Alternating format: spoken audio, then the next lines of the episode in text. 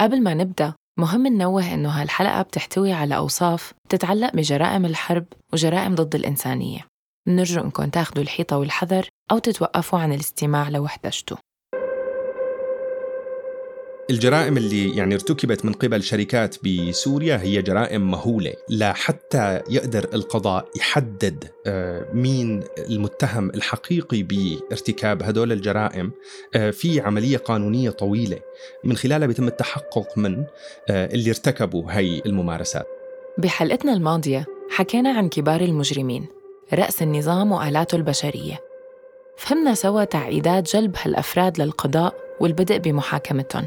وشرحنا كيف الحصانة، الاستمرار بإشغال المناصب الرسمية، الإرادة السياسية والقوى العسكرية للدول الأجنبية.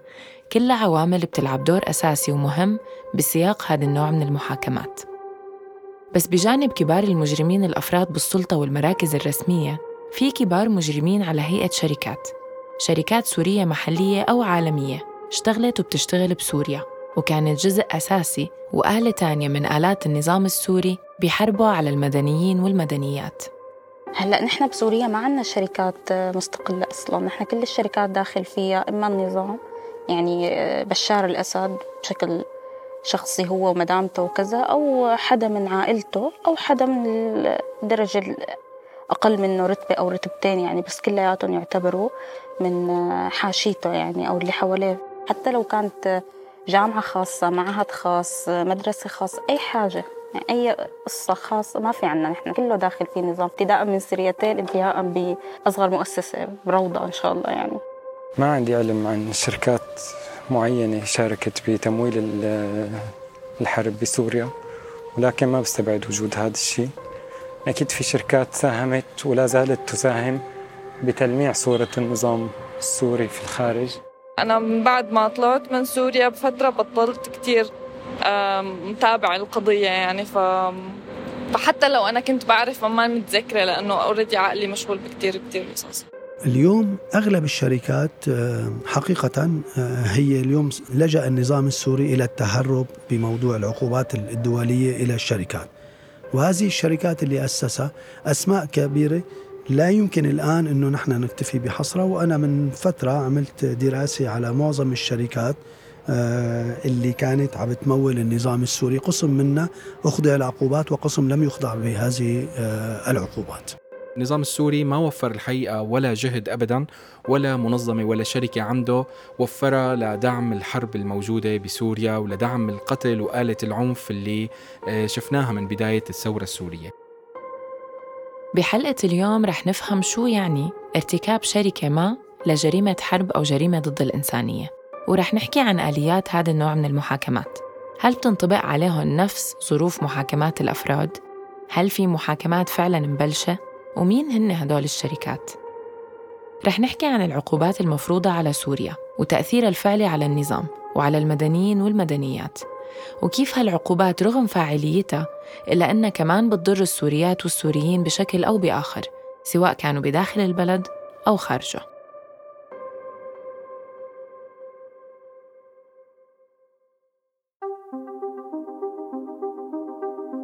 فيكم بالحلقة الخامسة من قيد المحاكمة عن متهمي وضحايا الجرائم في سوريا. مدونة صوتية باللغة العربية نصغي فيها لقصص وتجارب حول المشهد المتناثر لجهود العدالة والمحاسبة على الجرائم الجسيمة المرتكبة في سوريا. في محاولة لفهم ألغاز التحقيقات وأسرار المحاكمات القضائية الماضية الجارية والقادمة. اسمي كريستينا كغدو. ورح كون عم رافقكم خلال حلقات هالموسم يلي رح نصغي فيه لشهود وشاهدات أصحاب قصص صوت الشارع ومختصات وأخصائيين بالشأن القضائي والحقوقي. لنحاول نفكك ونفهم مع بعض. لوين ممكن تاخدنا هاي المحاكمات؟ وشو هو معنى العدالة بظل استمرارية رئاسة النظام السوري المسؤول عن انتزاعها؟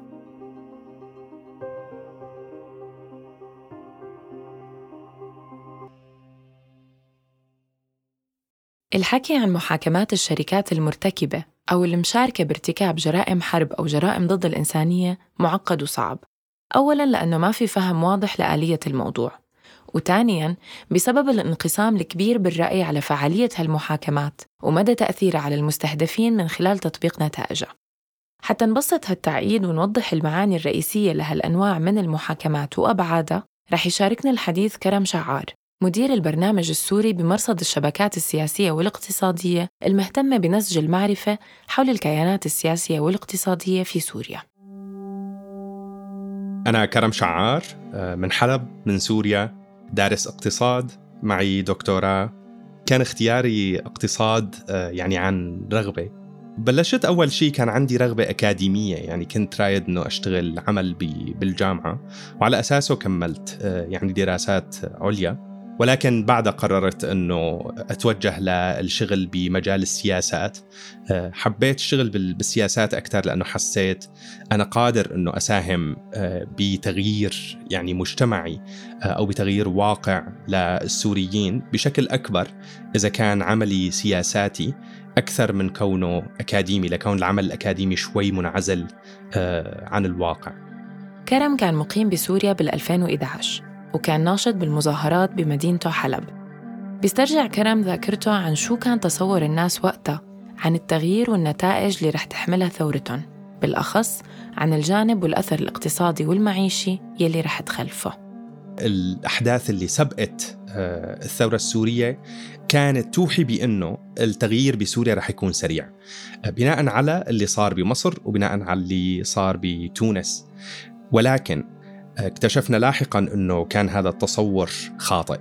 كان قناعتنا نحن يلي يعني كنا نتظاهر بمدينة حلب آه، وننظم مظاهرات إنه القصة رح تكون سريعة. إنه هذا الزمن زمن مختلف هذا مو زمن الثمانينات. آه، ما ممكن بشار الأسد ينزل دبابات على الشوارع ويقتل الناس برصاص حي. آه، إنه أنت سلاحك الأول هو كاميرتك بس يصير شيء يرفع كاميرتك وصورها وبنرفعها فورا على تويتر أو يعني على فيسبوك. اكتشفنا لاحقا إنه كان في يعني قصر نظر من من طرفنا بس نحن كمان كنا شباب وصغار. أنا كفهم بالنسبة لإلي للآثار الاقتصادية للثورة السورية ابدا ما كنت متخيل إنه تكون الآثار سيئة لهالدرجة.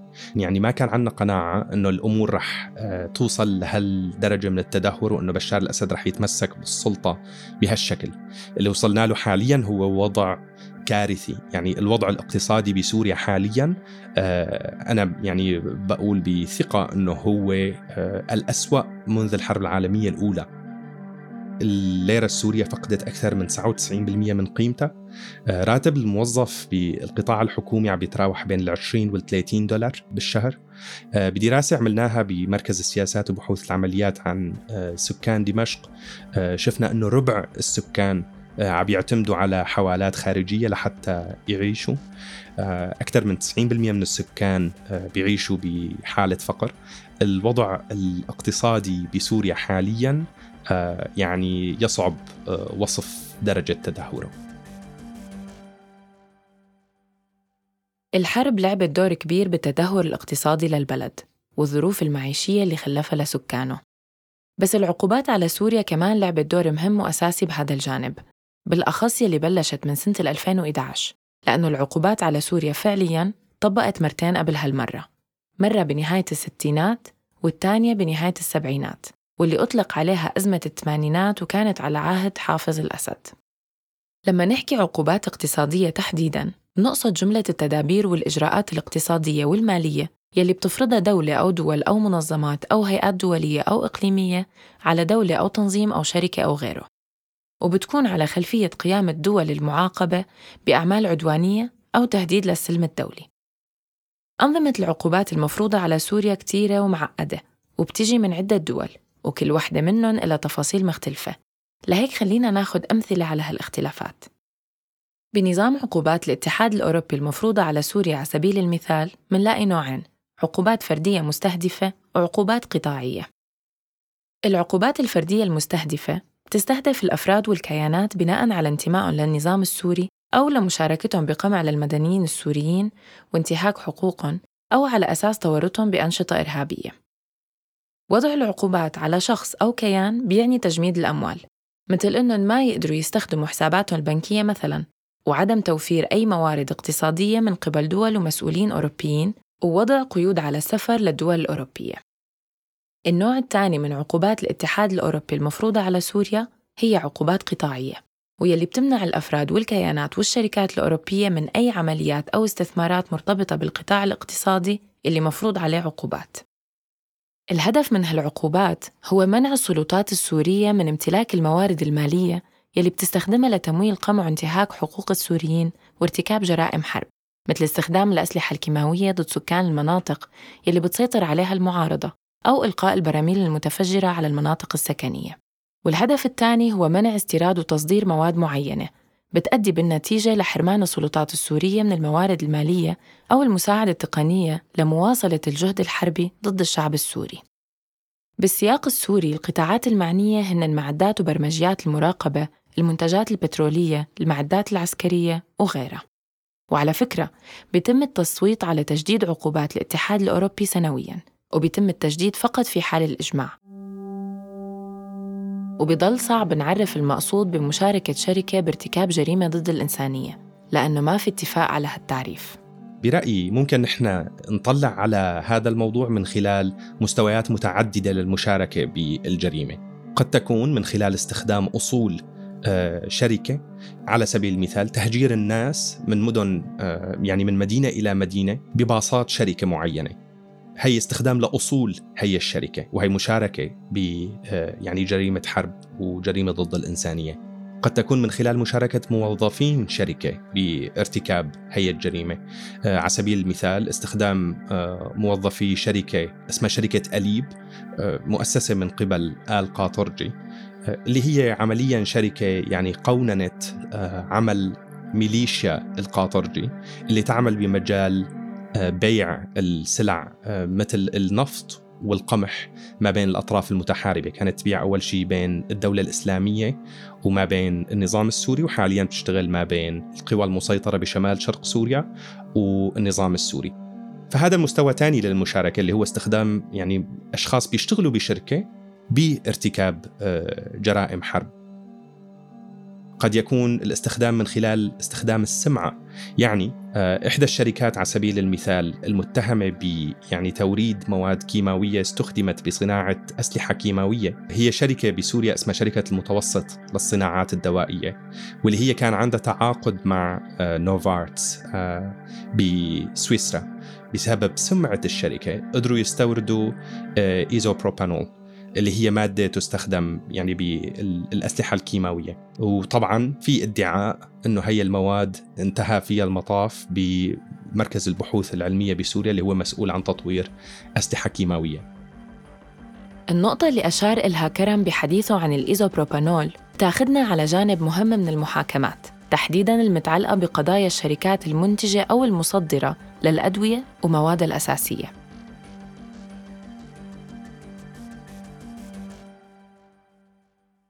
هالمحاكمات بالغالب ما بيتم متابعتها بسبب تركيبتها المعقدة لأنه المحاكمات المتعلقة بأشخاص مثل أطباء أو ضباط سابقين مثلاً بيكون أسهل متابعتها وفهم تفاصيلها. بس هاد ما بيعني إنها ما عم بتصير. بشهر أيلول من سنة 2022 قضت محكمة أسن بألمانيا بسجن ثلاث أشخاص بينتموا لعصابة تجارة مخدرات دولية مرتبطة بالنظام السوري. واحد منهم انحكم بالسجن لمدة عشر سنين وتسعة أشهر. وهي ضعف الوقت اللي انحكم فيه إياد الغريب على جرائم ضد الإنسانية. الثاني انحكم بتسع سنين والثالث بسنتين وتسعة أشهر. تبين رسميا من خلال هالقضية أن المجرمين الثلاثة لهم علاقة مباشرة بالفرقة الرابعة التابعة لماهر الأسد واللي بتهيمن على الجيش وجزء من تجارة المخدرات غير القانونية. مع أنه هذا مثال على محاكمة صدر فيها الحكم على المجرمين إلا أنه لسنوات كتيرة كان من الصعب جدا رفع مثل هالقضايا وتقديمها للمحكمة بنجاح لأنه قانونيا الموضوع معقد وبيختلف من بلد لبلد. أغلب الوقت بيكون صعب يتحدد مين اللي ممكن اتهامه أصلا هل نتهم الشركة ولا المدراء التنفيذيين ولا المسؤولين؟ القائمة بالطول. بمعنى تاني تحديد المتهم الحقيقي هو عبارة عن عملية قانونية طويلة ومعقدة وكرم بيحكي لنا عنها أكثر بالنهاية الشركات حال حال أي كيان. هن ما عندهم مشاعر هن بي اللي بيديروهم بالنهاية أفراد. إذا نحن اعتبرنا نقطة البداية تبعيتنا هي الأفراد ساعتها بيصير أسهل علينا إنه نحن نعرف طيب ليش هدول الأفراد عم يستخدموا عدة شركات؟ طيب ليش عم يخلقوا عدة شركات؟ طب إيش المقصود بشركة الواجهة وإيش المقصود بشركة الرف على سبيل المثال؟ برأيي بيت القصيد هو إنه أنت كفرد يسعى إلى استخدام شركات بارتكاب جرائم ضد الإنسانية بشكل عام. الموضوع ما كتير معقد. يعني في كتير دول فيها ملاذات آه، ضريبية بتسمح لك أنك أنت تعمل شركة آه، من دون عمليا يعني أي إثبات لوجود نشاط اقتصادي حقيقي لهي الشركة. أنت ممكن كسوري بلبنان آه، تروح تاخذ شركة على سبيل المثال. هذا الشيء صار بالبنك الوطني الإسلامي اللي أسسه آه، يعني أفراد من آل قاطرجي. راحوا أخذوا شركة رف بلبنان اسمها New Generation Holding شركة مؤسسة من عدة سنوات ما ناشطة اقتصاديا ولكن أنت بتروح بتشتريها لهي الشركة وبتقول آه، يلا أنا هلأ صار بدي أمارس فيها نشاط. الغرض الأساسي هو إنه وقت اللي بده يجي حدا يتعقب آه، يعني ما إذا كان سلوكك هاد آه، يستحق العقاب أو سلوكك فيه انتهاك لحقوق الإنسان ساعتها بيشوف إنه أنت عم تشتغل بشركة مؤسسة من عدة سنوات من سبعة ثمان سنين ما أنا مؤسسة حاليا وبالتالي درجة الشك بتخف فيك. بس بشكل عام اللي عم بحاول أقوله هو إنه استخدام الشركات ل آه، يعني التهرب من المسؤولية المرتبطة بالجرائم ضد الإنسانية هي شغلة آه، غير صعبة. الأشخاص اللي بيرتكبوا هذا النوع من يعني من الجرائم هن أشخاص متمرسين جدا على خلق هدول الشركات الوهمية، الشركات القشرية آه، اللي شركة بتملك شركة بتملك شركة وما حدا بيقدر يعرف مين مين المالك النهائي. آه، هذا الشيء كتير منتشر بسوريا، لهالسبب بتشوف إنه المحاكمات اللي صارت لحد هلأ اللي صار فيها إثبات لجرم أو صار فيها مذكرة اعتقال أو هيك هي جرائم مرتبطة بأفراد ما أنا مرتبطة بشركات، الشركة الوحيدة الكبرى اللي صار عليها آه، حكم حقيقي هي شركة آه، لافارج. ولحد هلأ ممكن يعني لأنه هن وعدوا إنه ينقضوا بهذا الحكم وبالتالي حتى هذا ممكن ما ما يتطبق. بين الوقت اللي حكينا فيه مع كرم بهالموضوع واليوم صارت مستجدات مفصلية تحديداً بخصوص شركة لافارج. لافارج هي شركة اسمنت ومن أكبر الشركات بفرنسا. عندها معامل حول العالم ومن ضمنها معملهم اللي بجانب مدينة حلب بسوريا واللي كان شغال بين سنة 2012 وال 2014 بوقتها دفعت لافارج أكثر من 10 مليون دولار لداعش لحتى يسمحوا لهم بالاستمرار بالعمل بأمان. يمكن البعض يشير هون إنه هالمحاكمة هي لشركة عملت مع داعش مو مع النظام. لكن مهم نفهم هون إنه لافارج كانت موجودة بسوريا من وقت طويل كتير قبل ما يكون في داعش. ولما فتحت مصانعها بسوريا لقت ترحيب كبير من النظام وكانت على علاقات ودية معه. واللي اختلف هون هو لمين عم يتم دفع هالمصاري بحكم اختلاف الجهة المسيطرة على هالمناطق.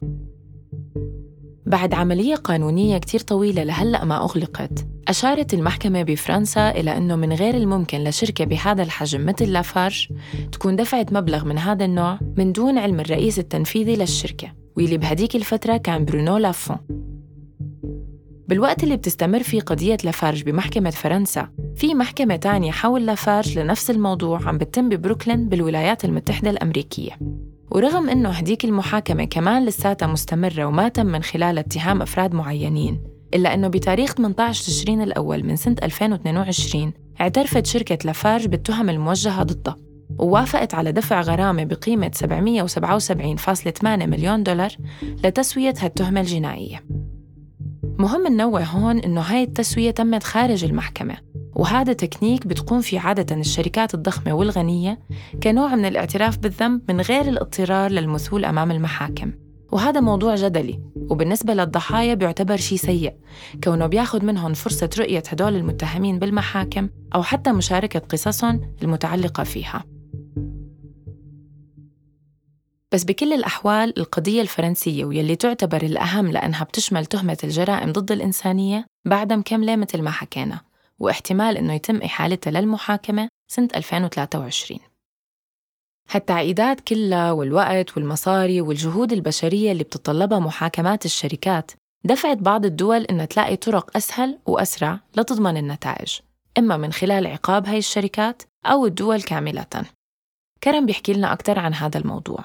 في بعض الدول قررت إنه آه، أنا ماني مضطر إني أمشي بهالعملية القانونية لحتى أعاقب هي الشركة، ليس بالضرورة إنه يعني أرفع قضية تجاهها قضائيا وإنما آه، أخلي جهازي التنفيذي الحكومي يفرض عقوبات على هي الشركة، مالي مضطر إنه أنا أثبت إنه أنت كنت على دراية وقت اللي عم ترتكب هي الجريمه.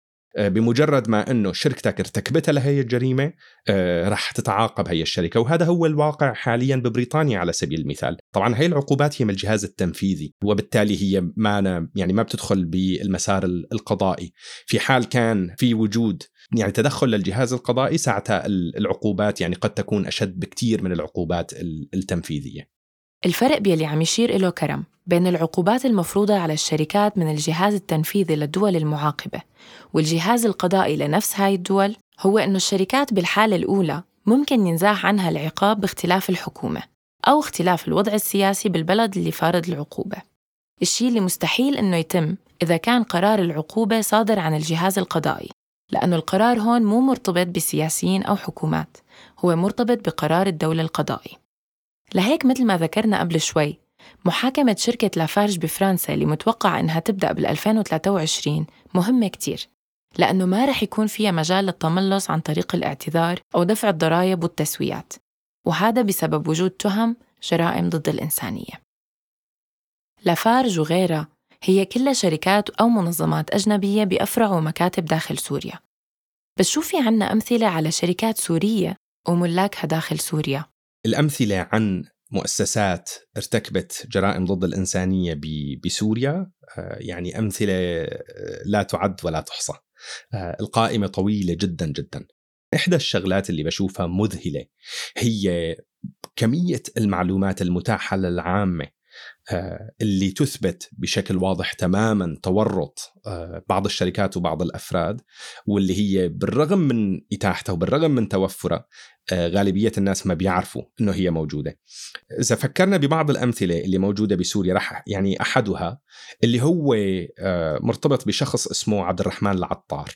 عبد الرحمن العطار كان متهم آه، بأنه هو من خلال آه، يعني شركة المتوسط للصناعات الدوائية إنه هو مستورد مواد آه، أولية تدخل ب يعني صناعة الفولتارين وكمان تدخل بصناعه الأسلحة الكيماوية. هلا هي الشركة شركة المتوسط هي عندها وكالة لشركة سويسرية ومن خلالها هي قادرة إنه تنتج هذا الدواء.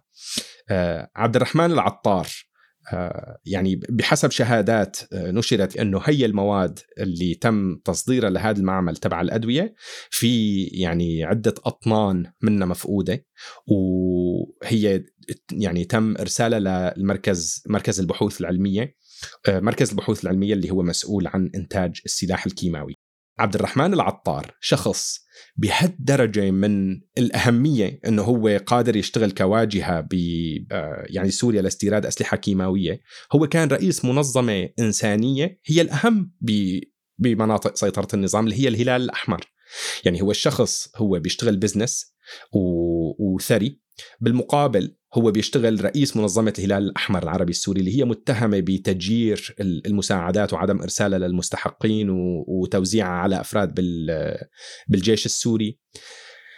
عبد الرحمن العطار اللي هو يملك شركة المتوسط. بحسب أحد المصادر الوكيل تبع شركة المتوسط للصناعات الدوائية هو مضر توفيق يونس. مضر توفيق يونس هو ابنه لتوفيق يونس هو يعني رئيس الفرع فرع الخطيب كان. يعني وتوفى بعدين. هو معاقب حتى من الاتحاد الأوروبي ومن آه، بريطانيا. مضر توفيق يونس ابنه لتوفيق هو آه، كان رئيس غرفة صناعة وتجارة طرطوس. وتم تحييده آه، عنا بسبب يعني تورطه بإنتاج مخدرات.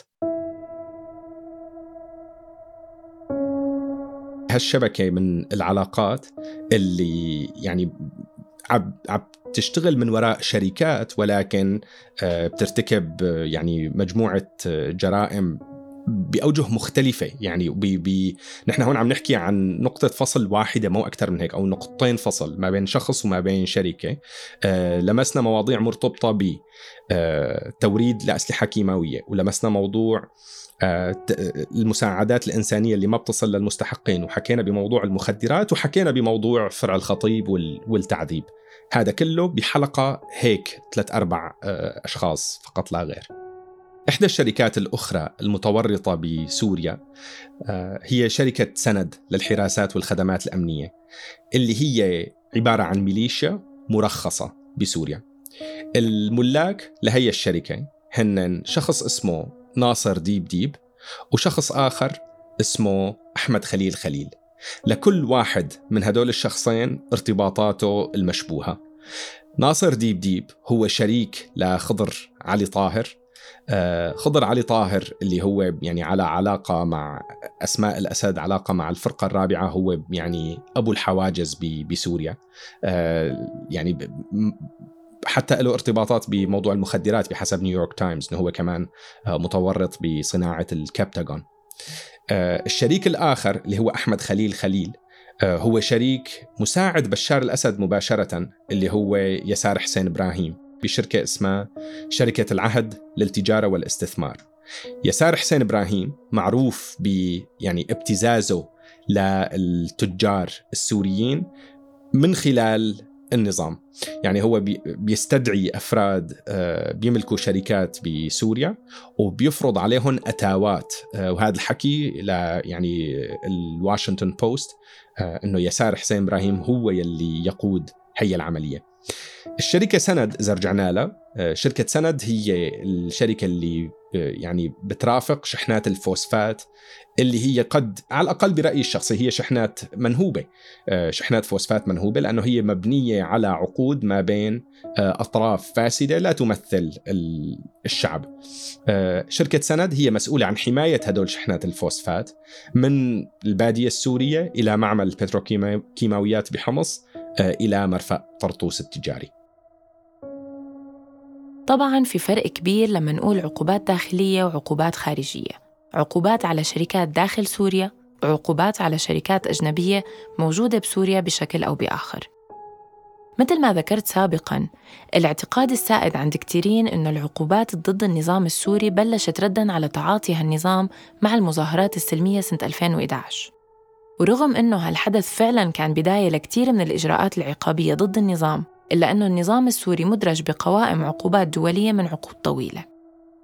البداية كانت سنة 69 ولحقتها عقوبات تانية بنهاية السبعينات تحديداً بأواخر العقد الأول من حكم حافظ الأسد. بالشهر الأخير من هديك السنة أطلقت الولايات المتحدة الأمريكية قائمة الدول الداعمة للإرهاب يلي بوقتها اشتملت على سوريا، ليبيا، العراق واليمن الجنوبي. وما بين العقوبات اللي بلشت بآخر السبعينات والعقوبات اللي انفرضت بال 2011 مهم نسأل هل بيتساوى التأثير اللي بتتركه هاي العقوبات مع اختلاف مقر الشركات؟ كرم بيوضح لنا هذا الجانب بشكل عام ردة فعل الشركات المتهمة بارتكاب جرائم حرب أو جرائم ضد الإنسانية أو شركات معاقبة تتباين بحسب آه، امتدادات هي الشركة خارج سوريا الشركات اللي ما لها امتدادات خارج سوريا بشكل عام آه، ما بتكترث لهي العقوبات بأي شكل كان. لأنه هن قادرين آه، بمنتهى البساطة إنه يخلقوا شركة تانية وهي الشركة تستمر آه، بالعمل. والأشخاص اللي هن يعني مسؤولين عنها هن أشخاص موجودين بسوريا وما راح يسافروا برات سوريا. بشكل عام هل الاتهامات أو العقوبات بتكون آه، أكثر جدوى بكثير آه، على آه، شركات لها ارتباطات خارجية أو شركات بأصلها يعني خارجية؟ مثل آه، شركة آه، لافارج على سبيل المثال أو في أشخاص مثل مثلا يعني إحدى رجال الأعمال اللي كان موافق أنه يكون جزء من مشاريع إعادة الإعمار بمحيط دمشق اللي انسحب من من هي الاستثمارات بسبب العقوبات يعني كان في تغيير سلوك. بالمقابل كمان في حالات من آه، نجاح العقوبات اللي هي ما حدا بيحكي عنها اطلاقا. ولكن آه، هذا لا يلغي من كونها ناجحة. عقوبات بتكون على شركات. آه، الشركات ما بتقدر إنه تمارس السلوك اللي هي آه، يعني تسعى إلى ممارسته بسبب العقوبات، هون على سبيل المثال شركات النفط اللي هي آه، بتستثمر بالساحل السوري. في سيوز نفت غاز وفي كابيتال. وحدة الأولى تابعة ليوري شافرانيك الوزير النفط السابق بروسيا والثانية لبريغوجين يعني اللي هو صاحب Wagner Group. هدول الشركتين عندهم عقود استثمار نفط ب يعني قبالة السواحل السورية وهن قادرين تقنيا إنه يستخرجوا لهذا النفط وفي حالة يعني في آه، طلب كافي له آه، لهذا النفط ولكن هن غير قادرين إنه يعملوا هيك بسبب العقوبات. آه، هي حالة نجاح للعقوبات ما بيتم الحديث عنها. آه، لأنه نحن بالعادة بنحكي عن الأشياء اللي بنقدر نشوفها قدامنا ما بنقدر نحكي عن الأشياء اللي ما حدثت من أساسه ولكن هذا لا يلغي من كونها ناجحة. طبعا هذا لا يعني أن العقوبات بشكل عام هي أداة آه، يعني ممتازة لتغيير السلوك هي لها آثار إنسانية مهولة. لهلأ عم نحكي عن العقوبات المفروضة على الشركات المتعاطية أو المتورطة مع النظام السوري. بس شو بالنسبة للشركات السورية اللي مفروض عليها عقوبات من النظام السوري نفسه؟ النظام عنده قائمة عقوبات فيها أشخاص ومؤسسات الغالبية الكاسحة منهم إما معارضين أو ناشطين بالمعارضة. تركنا لكم رابط بالوصف المكتوب بيحتوي معلومات عن هالموضوع. الملفت إنه النظام السوري ما بيذكر ليش هدول المؤسسات أو حتى الأفراد معاقبين. المؤسسات المعاقبة آه، بغالبيتهم العظمى هي مؤسسات إنسانية. آه، بتشتغل بالمجال الإنساني ولكن بتشتغل بالمجال الإنساني بمناطق المعارضة، هلا الفكرة بقى كل الجهات قادرة إنه تنشر عقوبات، العبرة بمين قادر إنه يخلي هاي العقوبات مؤثرة. العقوبات اللي بيفرضها النظام السوري غير مؤثرة إلى حد إنه آه، ما حدا مكترث فيها. يعني ما حدا آه، بيراجع هدول القوائم أو بيشوف إنه والله اليوم تعاقب فلان شخص أو فلان كيان. آه، بينما بالمقابل إذا مثلا وزارة الخزانة الأمريكية بتعاقب حدا بتشوف الخبر يعني حول العالم آه، عم ينحكى فيه. إحدى أسباب أنه الناس ما عم تكترث فيها هو أنه هاي العقوبات لا تنشر للعامة. يعني القائمة يلي نشرتها أنا هي ما كانت قائمة متاحة للعامة. وهذا سؤال كتير مهم أنه نحن هون هلأ طيب آه السبب عدم الاكتراث بهي العقوبات هو عدم مقدرتها على أنه تحقق أهدافها ولا عدم معرفة الناس فيها. أنا برأيي هي هي التنتين سوا. في حالة من عدم معرفة مين المعاقبين ولكن بالمقابل اللي طلعوا من سوريا ويعني قرروا إنه هن يكونوا عندهم نشاط معارض أو هيك هن أصلا نشاطاتهم الاقتصادية موقفة. وهن حتى وإن كان أصولهم بسوريا ما مجمده بسبب العقوبات هن أصلا ما لهم قادرين إنه يرجعوا على سوريا ليستفيدوا من هي الأصول. فعم بيكون بشكل عام الأثر تبع العقوبات السورية أقل من الأثر تبع العقوبات الأمريكية، أثر العقوبات الأمريكية ممكن يطولك أنت آه، كفرد بعمرك مالك رايح حتى على أمريكا، أنت تروح بدك تفتح حساب بنك بماليزيا ما بيفتحوا لك إياه لأنه عندك عقوبات بأمريكا. بينما مثلا العقوبات السورية خارج الأراضي السورية ما حدا معترف فيها بي يعني بأي شكل، ما هو حتى ما معترف فيها بالمناطق اللي خارج سيطرة النظام. بالواقع وانطلاقا من نقطة كرم بالتحديد تأثير العقوبات الأوروبية والأمريكية على سوريا بيطال حتى المنظمات والمؤسسات والشركات اللي بين قوسين منيحة. منظمات الإغاثة الإنسانية مثلاً من الصعب جدا إنها ترسل مصاري لسوريا لمنتفعين ومنتفعات ممكن يكونوا بأشد الحاجة لها المصاري. أو كمثال تاني بعض المنظمات السورية اللي بتشتغل بالمجال الإنساني بتلاقي صعوبة شديدة وأحيانا استحالة بإنها تفتح حساب بالبنك باسمها أو تستقبل عليه مصاري أو حتى ترسل منه إذا قدروا يفتحوه أصلاً. هالشي بفرجينا بعد تأثير العقوبات. بعض النقاد بيقولوا إنه محاصرة بلد ما اقتصادياً ومعاقبته عادة بينعكس على المدنيين بشكل مباشر وبكتير أحيان بيعمل ضرر كبير بدون تحقيق الأهداف المرجوة منه خصوصاً البلدان الدكتاتورية. يلي بتتحكم فيها الأنظمة بكافة موارد البلد وسبل الإنتاج والاقتصاد مثل سوريا. يعني في خلاف عن إذا فعلا هالعقوبات بتأدي لأي تغيير بسلوك الجهات المعاقبة لأنه بالنهاية العقوبات بتأثر على اقتصاد البلد وتجارته الخارجية وصناعته بسبب صعوبة استيراد بعض المواد الأولية أو تصدير المنتجات وفرص العمل وسعر صرف العملة المحلية مقارنة مع سعر الدولار الأمريكي وكتير شغلات تانية. هالشي بيمنع النظام القائم من زيادة نفوذه الاقتصادي وضمان عدم تعامله مع الجهات الدولية. بس بنفس الوقت بحرم كتير مدنيين من أرزاقهم وبيعطي هاي الأنظمة حجة لتبرير سوء إدارتها لاقتصاد البلد ولفسادها من خلال العمل على إقناع الناس إنه كل شيء سيء بالاقتصاد هو نتيجة الحصار الاقتصادي الجائر عليهم. بسبب الفساد والإجرام يلي ارتكبه النظام السوري وصل حال المدنيين إلى وضع ما كان فيه بهالدرجة من السوء من الحرب العالمية الأولى. المحزن هو أنه الناس بالذات بمناطق سيطرة النظام ما عندهم استعداد يطلعوا أو يتظاهروا بكلمة واحدة. يحكوا فيها عن سبب المشكلة. عندهم استعداد يطلعوا يتظاهروا ضد المحافظ ضد وزير حماية المستهلك بس بس ما حدا عنده مقدرة إنه يطلع ويتظاهر يقول يا بشار الأسد آه، بحرقتني. يعني حاج أنا أنا يعني على وشك إنه أموت من جوعي. ما حدا من بيناتهم قادر إنه يطلع يقول هذا الشيء ذكورا واناثا شباب أو ختايرة. ما حدا قادر إنه يقول هذا الشيء لأنه بالنسبة لهم إنك أنت تموت من الجوع أحسن بكثير من إنك أنت تموت تحت التعذيب. وإنك أنت توقف وتصيح تقول إنه أنت سبب مشاكلي أنت يا بشار الأسد واللي حواليك أنتم سبب مشاكلي آه، بيؤدي لقتلك السريع. والقتل البطيء أسهل.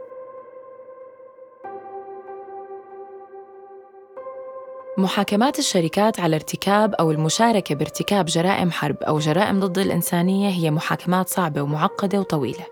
بس ما فينا نقول إنها مش ممكنة. قرار محكمة أسن بألمانيا اللي ذكرناه سابقاً وقضية شركة لافارج بالمحكمة الفرنسية المتوقع أنها تبدأ بال 2023 بيفرجونا أنه مساءلة الشركات عن الجرائم الجسيمة صار شي واقعي وممكن. لما تبدأ محاكمة لافارج رح تكون هاي المرة الأولى على الإطلاق بالسياق السوري اللي بتنجبر في شركة أنها توقف أمام المحكمة حتى ترد على تواطؤها بجرائم ضد الإنسانية. وهذا بيعتبر تطور كتير كبير ومهم. بحلقتنا الجاية رح نكفي حديثنا عن المدنيين والمدنيات بالأخص العائلات اللي تضررت بشكل مباشر وأساسي من جرائم النظام وفقدت أحبابها وبيوتها وأرضها وأمانها ووطنها. رح نحكي عن كيف بيستخدم النظام العائلة كأداة لشن الحرب على حرية الرأي والتعبير وحسب أي ترتيب بيتم هذا الاستهداف. وأخيراً قديش الوضع الاجتماعي وصيت ومكانة عيلة ما بيساعدها برفع قضية وجلب المتهمين فيها للقضاء وسياق العدالة. هالحلقة من كتابة وإعداد وإنتاج سليم سلامة. تحرير وتحقق من المعلومات ما يسقط تقديم ومشاركة بالتحرير كريستينا كغدو.